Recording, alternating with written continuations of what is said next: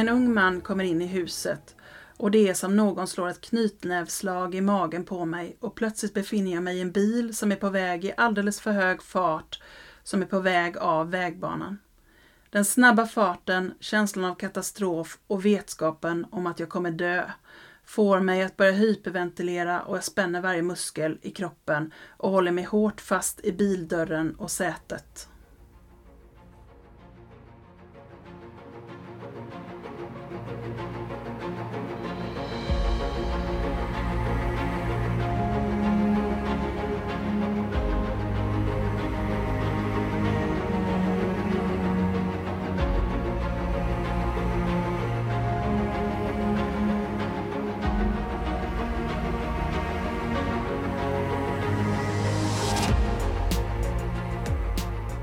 Varmt välkomna till vår podd Magiska möten.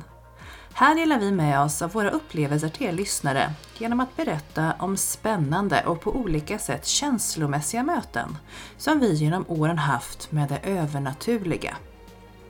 Sedan man var liten har man fått lära sig att sanningen endast kan bevisas genom fysisk existens. Men i den här podden släpper vi logiken och låter känslorna och intuitionen leda oss rätt.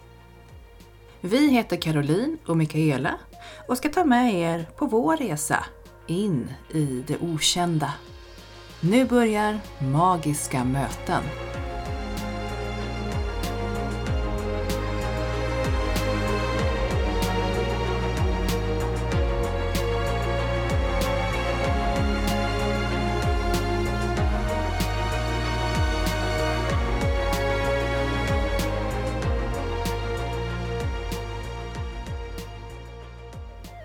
Att vara fylld med skuldkänslor kan få förödande konsekvenser.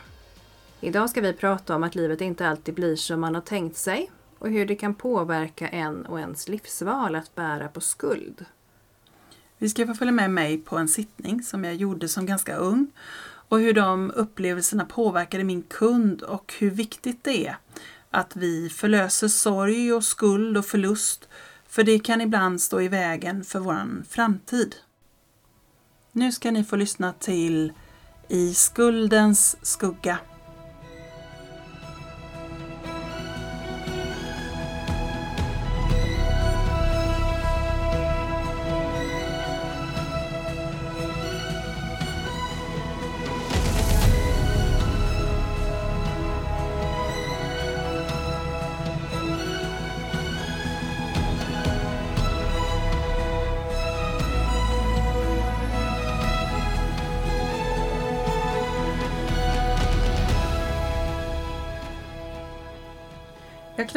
På det lilla röda huset och väntar på att dörren ska öppnas. Jag är här för att göra en sittning med en kund. En kvinna som har bokat tid för några veckor sedan. Hon öppnar med ett leende på läpparna och ett hjärtligt välkommen, stig på. Trots det härliga välkomnandet så får jag genast hög puls och en känsla av att någonting är fel. Men jag tar mig samman och vi slår oss ner i hennes soffa. Och hon bjuder på fika och vi ska precis börja när det plötsligt slår i dörren och en ung man kommer in i huset. Det är som om någon slår ett knytnävsslag i magen på mig och plötsligt befinner jag mig i en bil som är på väg i alldeles för hög fart och som är på väg av vägbanan. Den snabba farten, känslan av katastrof och vetskapen om att jag kommer dö får mig att börja hyperventilera och jag spänner varje muskel i kroppen och håller mig hårt fast i bildörren och sätet. Precis när jag har tagit tag om sätet och dörrens handtag så händer det som inte får hända. Det som jag fruktat. Bilen voltar och rullar ner i en slänt och jag förlorar känslan av tid och rum i tumultet. Jag kastas runt i en tyngdlöshet och det känns som om jag blir neddragen av en stor våg. Min kropp lyder mig inte och jag vet inte hur jag ska försvara mig mot att falla runt, runt i vad som känns som en hel evighet. Jag ser att bilen går sönder mer och mer och den kalla luften blandas med jord och gräs. Det känns som om jag håller andan och plötsligt stannar bilen. Eller i alla fall det som är kvar av den. Och allt blir tyst, onaturligt tyst en lång stund. Men i själva verkligheten har det bara gått sekunder. Det är som om hela världen stannar och jag känner hur jag fryser så jag skakar och jag känner mig ensammast i hela världen trots att jag ser att det faktiskt sitter andra i bilen. Plötsligt tar jag ett djupt andetag och är tillbaka i den blåa soffan i förortshuset och min kund tittar frågande på mig. Är allting bra? Jag har fortfarande svårt att samla mig så jag ber om en minut för att komma tillbaka till nuet. Den unga mannen står i hallen och stirrar på mig. Han hänger av sig jackan, tar av sig skorna och går vidare in i en annan del av huset. När han lämnar rummet försvinner plötsligt den gaskramande känslan från bilolyckan och allting är som vanligt igen. Min kund Eva säger sakta. Du, det är inte mig du behöver träffa väl? Det är väl Mattias? Jag både ser ut och känner mig osäker. Det är uppenbart att den unga mannen behöver träffa någon för att bearbeta de här minnena som jag fick upp, men jag är inte säker på att det är jag som kan hjälpa till här. Dessutom så är jag vid den här tiden en ganska ung tjej som går på gymnasiet och den här killen är lite äldre än mig så det skapar en ännu större osäkerhet. Eva ser mer beslutsam ut och stegar iväg in mot huset för att hämta sin son. Och jag anar att det kanske fanns en dold agenda redan när den här tiden bokades. Jag hör deras röster inifrån huset och även om jag inte hör ordagrant så förstår jag andemeningen. Sonen vill absolut inte gå på sittning med ett medium och mamman är ganska påstridig och vill inte ge sig. Jag känner mig ytterst obekväm och funderar nästan på att bara gå. Men villrådig så blir jag sittandes kvar. Till slut återvänder Eva med sin irriterade, motsträviga son och säger hurtigt att nu blir det så här. Mattias tar över min tid så kan ni starta så fort jag har gått. Du ska inte gå, fräser han argt och mamma Eva slår sig ner i en fåtölj en liten bit bort. Han accepterar eller resignerar och vänder sig mot mig. Jaha, och vad ska det här vara bra för? Vad kan du? Du ser ut som du fortfarande går i skolan. Jag blir ganska osäker och mest av allt vill jag bara springa iväg. Men jag känner ändå att det är viktigt detta så jag börjar lite trevande och berätta om vad jag upplevde när han kom in genom dörren. Han ger sin mamma en blick och hon säger Jag har inte sagt någonting, inte ett ljud, jag lovar Mattias.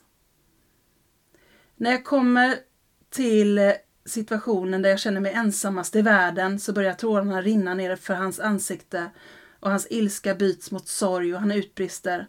Men jag var ju ensam i hela världen med.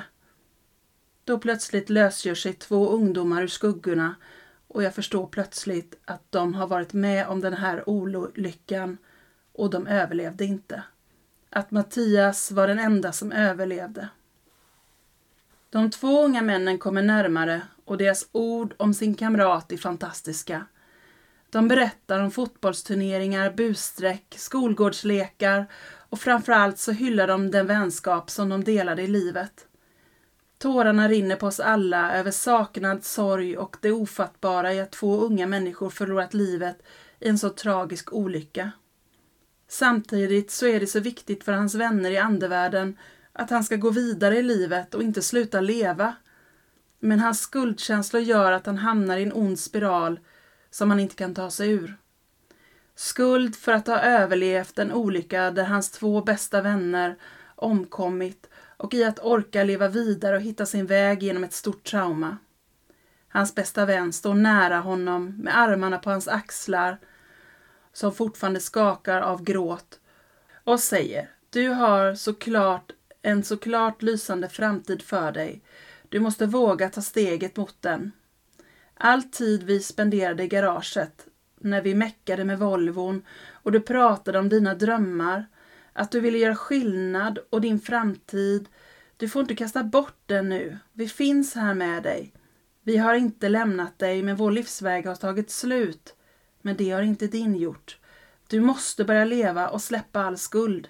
Det var inte ditt fel. Det var ju jag som körde och jag körde för fort. Du har inte gjort något fel. Du måste tro på mig.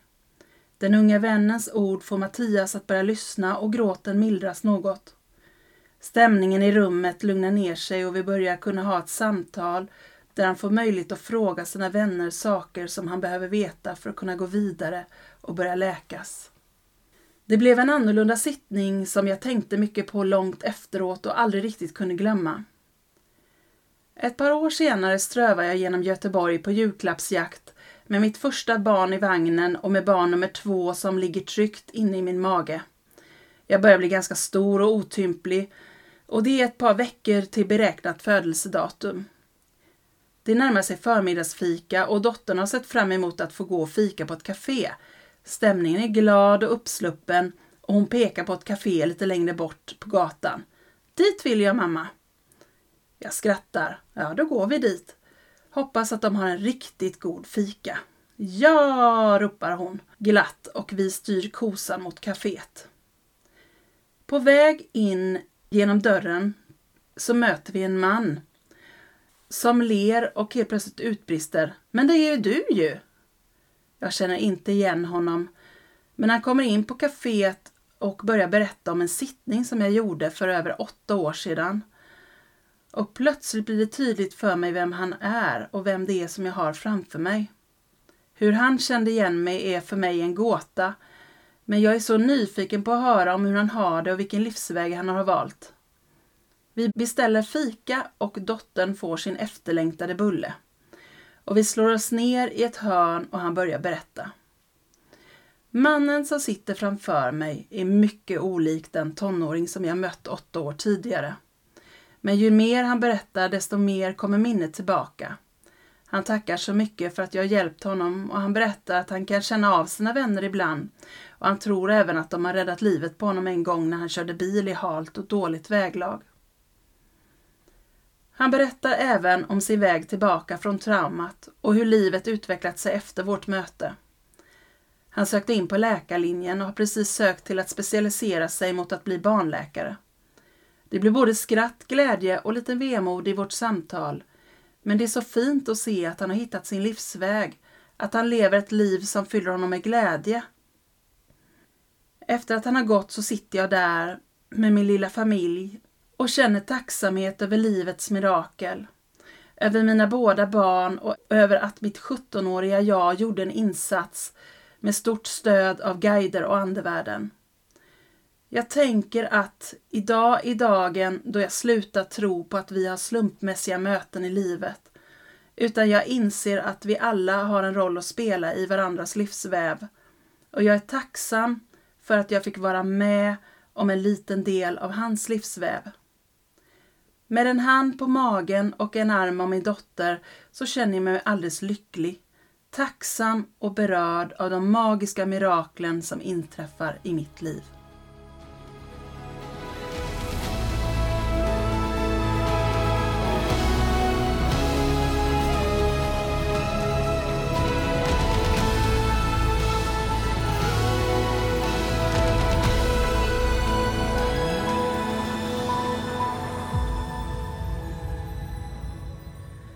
Att bära runt på skuldkänslor av olika slag eh, mår man inte alltid helt gott av eh, och det blir tydligt i den här historien också. Jag tänker att eh, det är inte helt ovanligt att man bär skuld och ibland vet man inte ens varför och ibland så är man ju heller inte anledningen till att, att skuldkänslorna överhuvudtaget ska behöva dyka upp. Det finns ju något som heter survivors guilt. Vad, det skulle man kunna översätta med överlevnadsskuld. Det är inte helt ovanligt om man har varit utsatt för något hemskt och där man själv har överlevt men eh, sett andra människor eh, omkomma, att, att det dyker upp. Vad är det det man tänker om i det här avsnittet, att det som har hänt?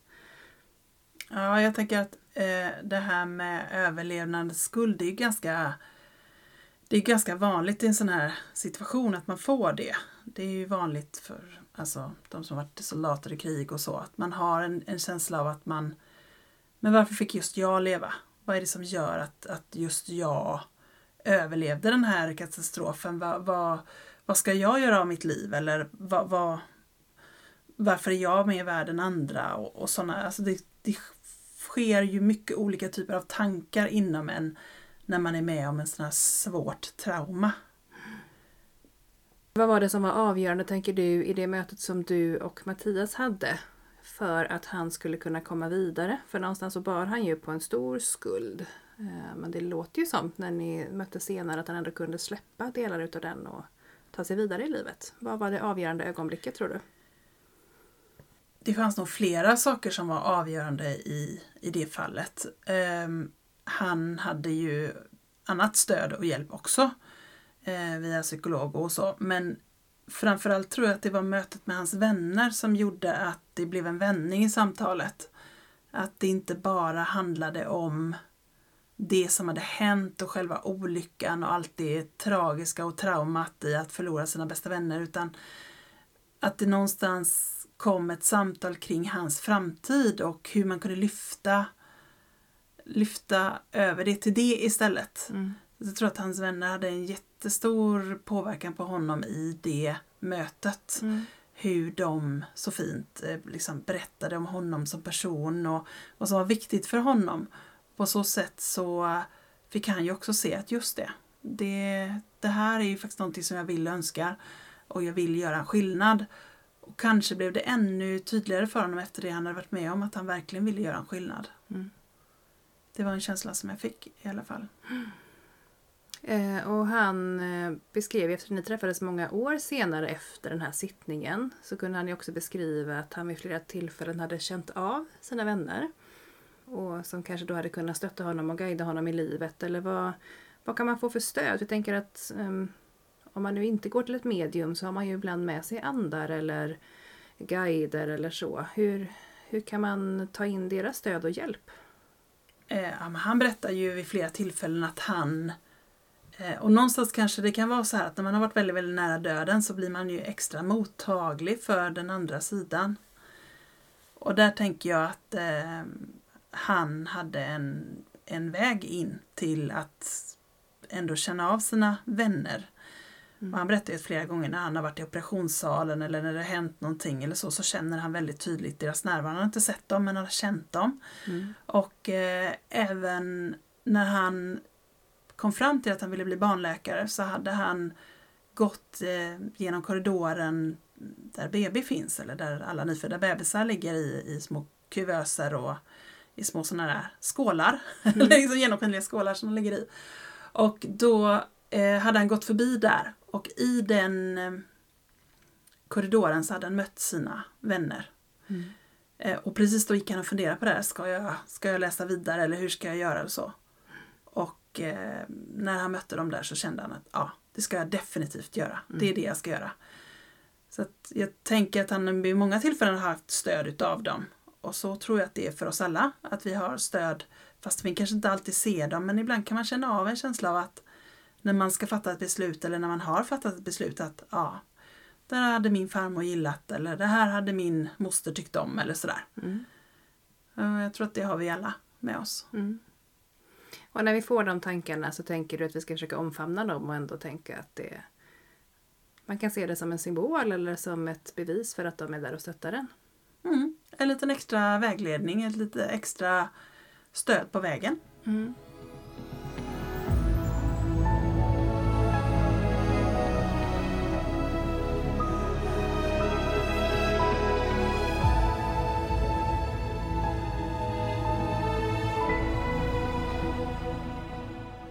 När du har en sittning och har en kund framför dig så eh, får du ju till dig information på väldigt många olika sätt. Det har vi fått ta del av genom eh, den här resan också, tidigare avsnitt där du pratar mm. om på vilka sätt du får till dig saker.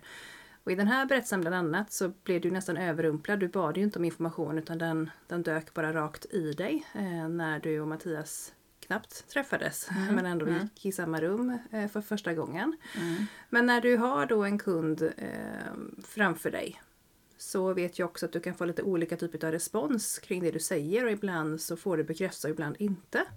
Och då kan det vara svårt för dig att veta hur det landar. Eh, men vad, vad gör du då eller hur tänker du när du jobbar? Eh, det är ju kanske något av det svåraste. Här, här i det här fallet så dröjde det ju åtta år innan jag egentligen fick en bekräftelse på att det som jag hade gjort där och då, de timmarna där, eh, faktiskt hade varit en bra sak. Mm. Eh, och så är det ju ofta, så man måste, någonstans så måste man ju lära sig hitta sig bekräftelsen inom sig själv och känna att men jag vet att när jag gör det här så vet jag att jag får de budskapen som kunden behöver och att det funkar. För att jag kan inte förvänta mig att jag ska få den responsen i mötet. Nej. För det finns ju olika typer av en del är ju lite lättare, andra är lite, får man jobba lite hårdare för. Mm. Och många gånger då är det sådana som är riktigt skeptiska så är det ju väldigt svårt att få eh, en bekräftelse i mötet. Det kan ju vara folk som sitter helt tysta och stirrar och, och bara vill att jag ska liksom, de varken nickar eller skakar på huvudet eller någonting utan eh, som är väldigt också nollställda och då, då måste jag ju göra samma goda jobb som jag gör även om jag får en kund som, som nickar lite eller som är som, som ah, men nu känner jag, jag känner igen min farmor här eller vad, vad det nu kan säga. Mm. Så, att, så att så är det ju och eh, det är ju lite lätt att om man, om man träffar väldigt många sådana som, är, som kanske inte är så lätta att läsa av eller man inte man får ingen, inget flow i mötet så är det såklart eh, lite mer motigt för en själv. Mm. Alltså, det tär ju lite grann på ens... Man ger ju precis av sitt innersta känner man ju, eller man ger ju precis allt man har. Eh, och då kan det vara skönt att kanske någon gång få en bekräftelse. Ja. I alla fall någon gång i sittningen eller så här, ibland blir man nästan osäker på om folk, oh, de tyckte kanske inte om det här alls. Men så kan man ju känna utifrån, alltså, även om inte jag jobbar som medium så, så jobbar jag ju med människor och man kan ju få väldigt olika bekräftelse eh, beroende på vad man har för dialog eller samtal eller bara informationsutbyte. Mm, alltså man kan, man kan säga samma sak till tre olika personer och få tre olika reaktioner tillbaka. Och det behöver inte betyda att informationen inte landade hos dem som, som tog emot det. Men man är ju också väldigt olika som människor, hur man reagerar på saker. Och många är ganska snabba och ganska offensiva i en dialog. Medan andra är de som behöver fundera och sova en natt på saken. Så det är klart att ibland så behöver man kanske själv också, om man sitter som kund, få lov att eh, låta det sjunka in innan man kanske förstår eller kan ta till sig budskap som faktiskt förmedlas. Så är det ju absolut. Om man nu eh, sitter och lyssnar på våran podd och tänker så här, det hade varit lite spännande att träffa ett medium någon gång, fast man aldrig har gjort det och man kanske är lite skeptisk eller man, man kanske inte överhuvudtaget vet vad man kan förvänta sig av att träffa ett medium i en sittning. Jag vet också att olika medium jobbar på helt skilda sätt. Men hur, hur skulle du ändå kunna beskriva hur en sittning går till eller vad man faktiskt kan få med sig från en träff med till exempel dig? Det är som sagt, precis som du säger, det är ju väldigt, väldigt olika beroende på vem man träffar. Det bästa tycker jag att man kan göra det är att lite grann fundera på vad vill jag ha ut utav mötet? Är det jätteviktigt för mig att träffa en nära och kär från andra sidan? Då tycker jag man ska liksom leta efter ett medium som verkligen jobbar jättemycket med andevärlden och bevisföring och den delen. Ett spiritistiskt medium. Känner man att man kanske mer vill ha annan vägledning så kan man fundera på en annan typ av medium. Mm. Så att funderar man på att gå till medium så ska man kolla upp några stycken och så ska man kan man ringa och fråga eller mejla eller någonting och fråga men hur jobbar du? Hur ser en sittning hos dig ut? Mm. Och många har ju det på sina hemsidor att de har beskrivit exakt hur de jobbar och hur, så här går en sittning till hos mig eller det här, så här jobbar jag. Mm. Det tycker jag är viktigt att man som kund vet innan. Eh, och är man lite modig så kan man ju bara träffa ett medium och sen så sätter man sig när man träffas och säger att du berättar för mig, vad är det som kommer hända nu? Mm. Och så får den berätta och förklara hur den jobbar och så. Ja. Måste man ha en anledning att gå till ett medium? Måste jag ha en sån här livsavgörande fråga som i den här historien till exempel?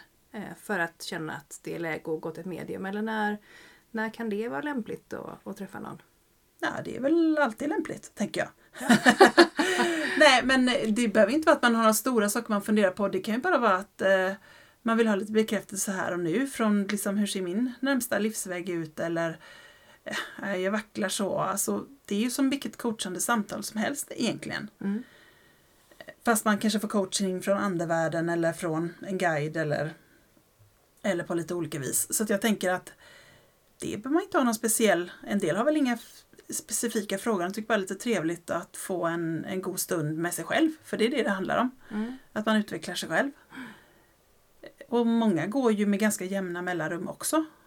Att, att man liksom underhåller sig själv lite, för det är också viktigt tänker jag.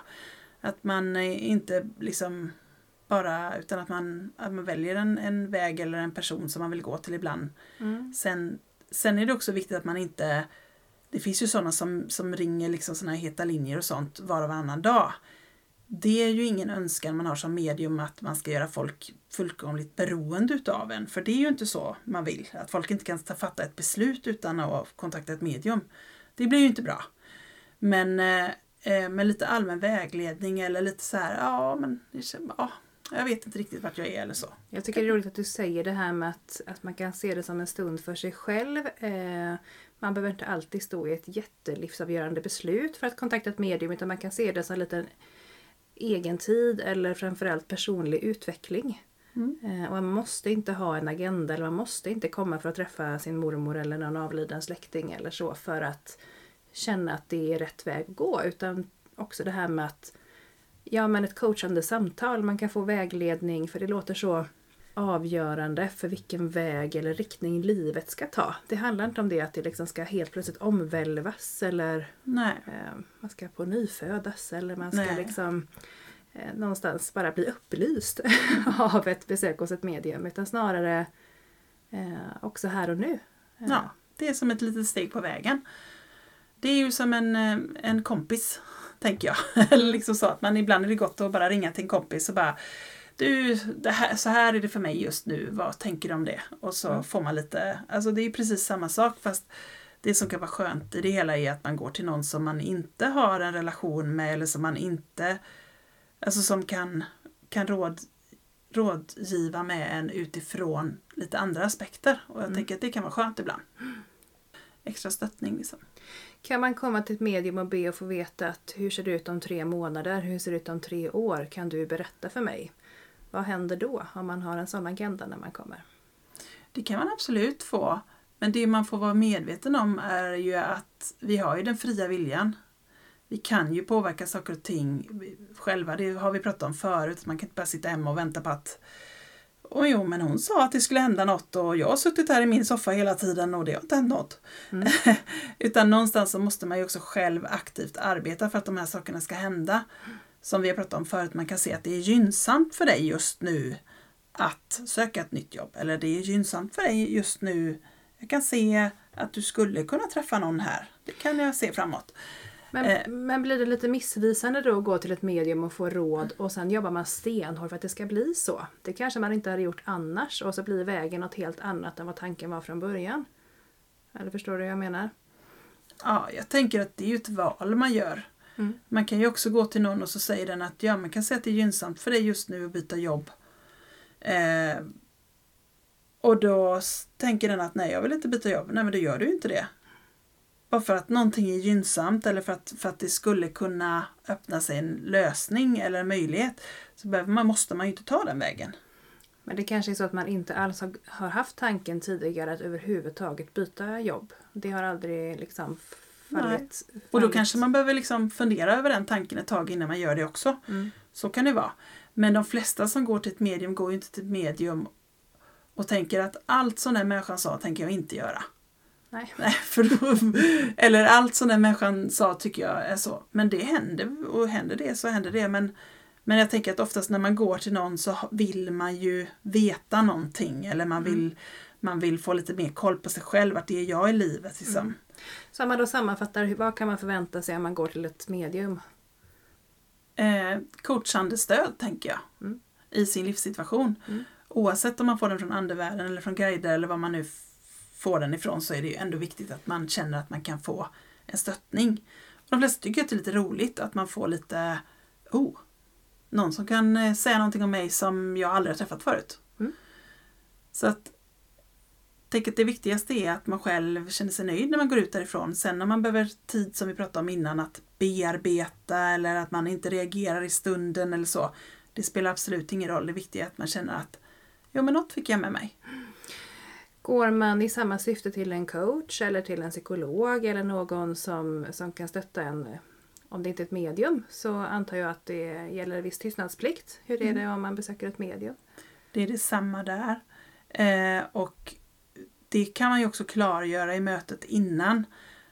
Att man kan fråga det, att vad gäller och så. Eh, om man känner sig osäker på det. Det är ju samma, alltså samma bransch skulle jag vilja säga. Så därför så värnar man ju om sina kunder och deras integritet och att de har det bra.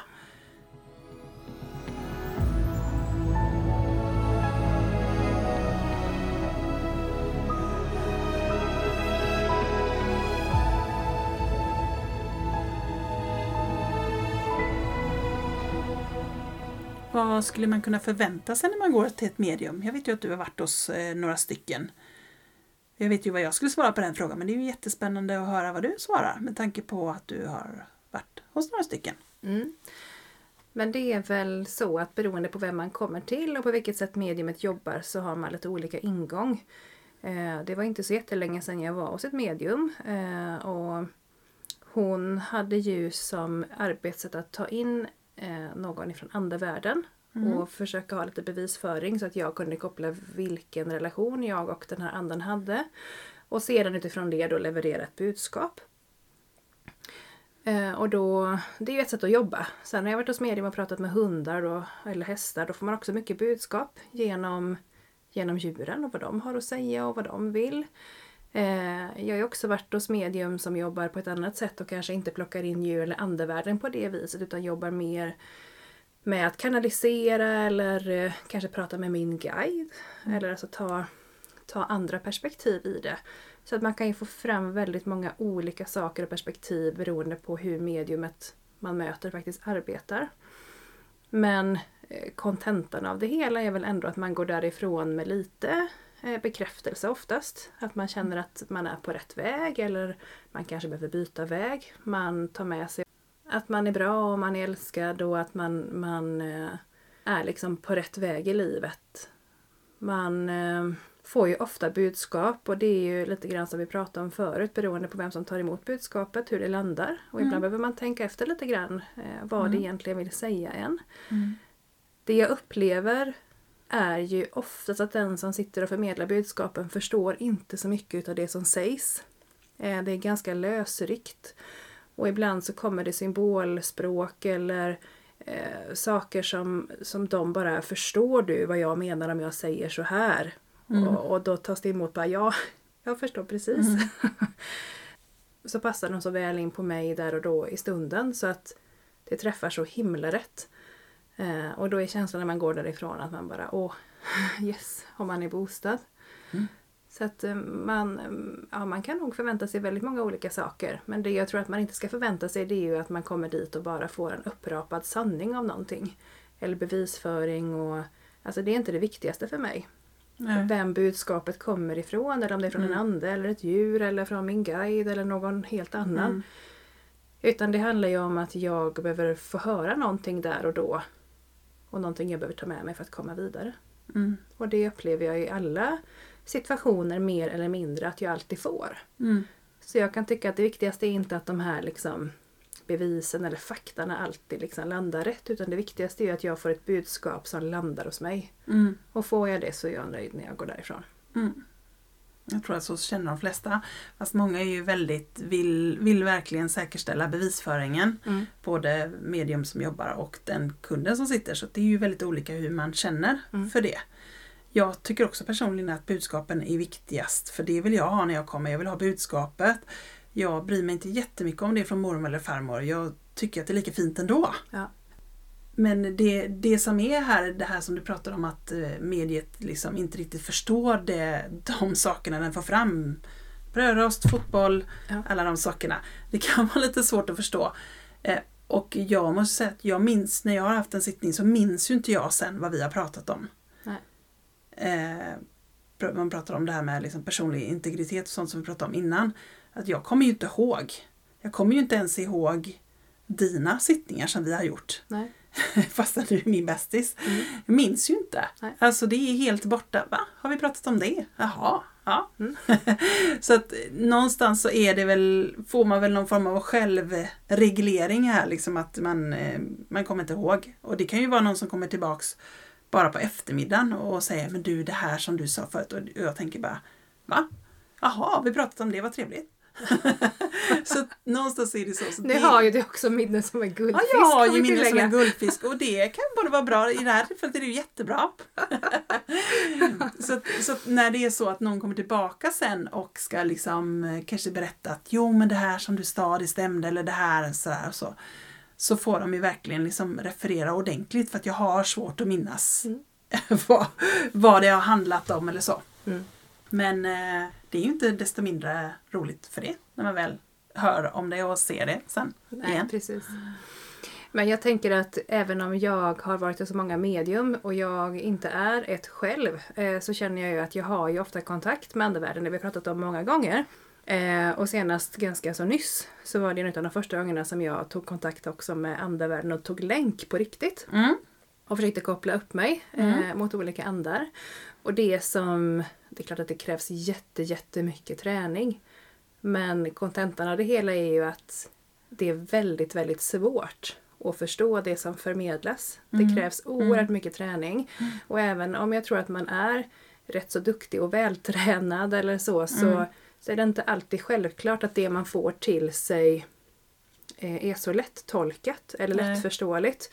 Så det kan ju vara så att man får information till sig som man utifrån vad man har för egen erfarenhet eller kunskaper med sig tolkar på det här sättet. Mm. Men hade det kommit till ett annat medium så kanske det tolkats på ett helt annat sätt. Och då hade budskapet landat rätt. Mm. Så att ibland är det sådär om man nu har testat på att faktiskt kontakta själv, inte via ett medium utan på egen hand, Mm. eh, någon form av ande eller guide eller så, så är det ju inte självklart vad allting betyder. Det är mycket symbolspråk, det är mycket bilder och så. Mm. Eh, mycket känslor. Mm. Och det är klart hur jag tolkar en känsla beroende på mina erfarenheter blir ju kanske annorlunda mot hur du tolkar samma känsla som kommer i din kropp. Mm. För du har andra erfarenheter med dig kring den känslan till exempel. Så det är också viktigt att ha med sig. Ja, och vi är ju verktyg i det här. Och det gäller ju liksom att eh, vässa sina verktyg och lära känna sig själv. Mm. Vem är jag när jag jobbar som medium? För eh, det är ju många års utbildning på det, Mm. på något vis. Det är ju inget, och man blir ju aldrig fullärd, så är det ju. Och det är ju jättebra att man inte blir det, tänker jag. Man bara kan bli bättre hela tiden. Det är ju rätt så fantastiskt. Mm. Och jag tänker att all kunskap som man har, och det kan ju vara kunskap om helt andra saker som inte alls har med andevärld och annat sånt att göra, utan kunskapen som man bär med sig i livet, den har man ju faktiskt nytta utav. Så att eh, läsa mycket böcker och eh, försöka jobba med olika saker. Det har ju vi pratat om ganska mycket med det här med historia och sånt. Mm. Ingen utav oss var någon historiestjärna när vi gick i skolan, men vi har ju lärt oss rätt mycket genom åren. Det är Eh, geografin som fortfarande Ja, tryter. den, den har vi inte bemästrat och den har vi inte fått hjälp av andevärlden med heller så jag vet inte riktigt. Nej, världskartan den är som ett stort svart hål. Oj då, så illa. Ja, det känns lite hemskt. Men jag tänker att eh, all kunskap är bra kunskap att ha med sig. Mm. I, eh, Den hjälper en även att tolka och, och jobba med det här. För det, Ja. det är inte självklart och det finns inte en sanning och ett rätt svar. Det är oerhört komplext ja, och ju större ens värld och en, ens världsbild är, även en eh, världskarta som förhoppningsvis inte är svart, eh, så, så har man enklare att tolka och, och förmedla budskapen.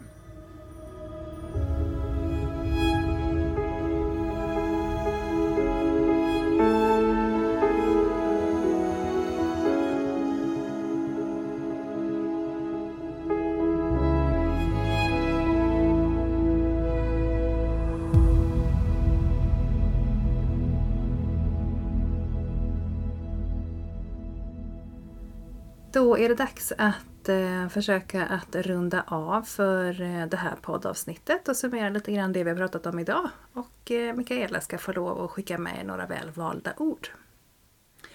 Trauma och oförlöst sorg bromsar upp våran utveckling och minskar våran värld. Så att, att ta sig ur svårigheter är nödvändigt för att kunna komma vidare. Att hitta strategier och hitta tillbaka till sig själv kan ta ganska lång tid. Men det är viktigt att ta första steget. Att börja gå för att starta resan även om det är svårt.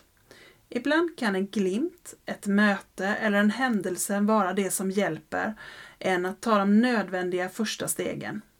Sträck ut en hand, ta hand om varandra och hjälp till om du ser att någon lider. Just din handling kan vara det som gör skillnad mellan att bara överleva eller att börja leva livet fullt ut. Tack för det. Vi tänker också att ni som lyssnar eh, jättegärna får som vanligt följa oss på Instagram, podden Magiska möten. Och vill ni dela med er av era egna upplevelser eller erfarenheter av olika typer utav kontakt med andevärlden eller mediumskapet så är ni varmt välkomna att skriva till oss på Instagram. Tack för att ni har lyssnat!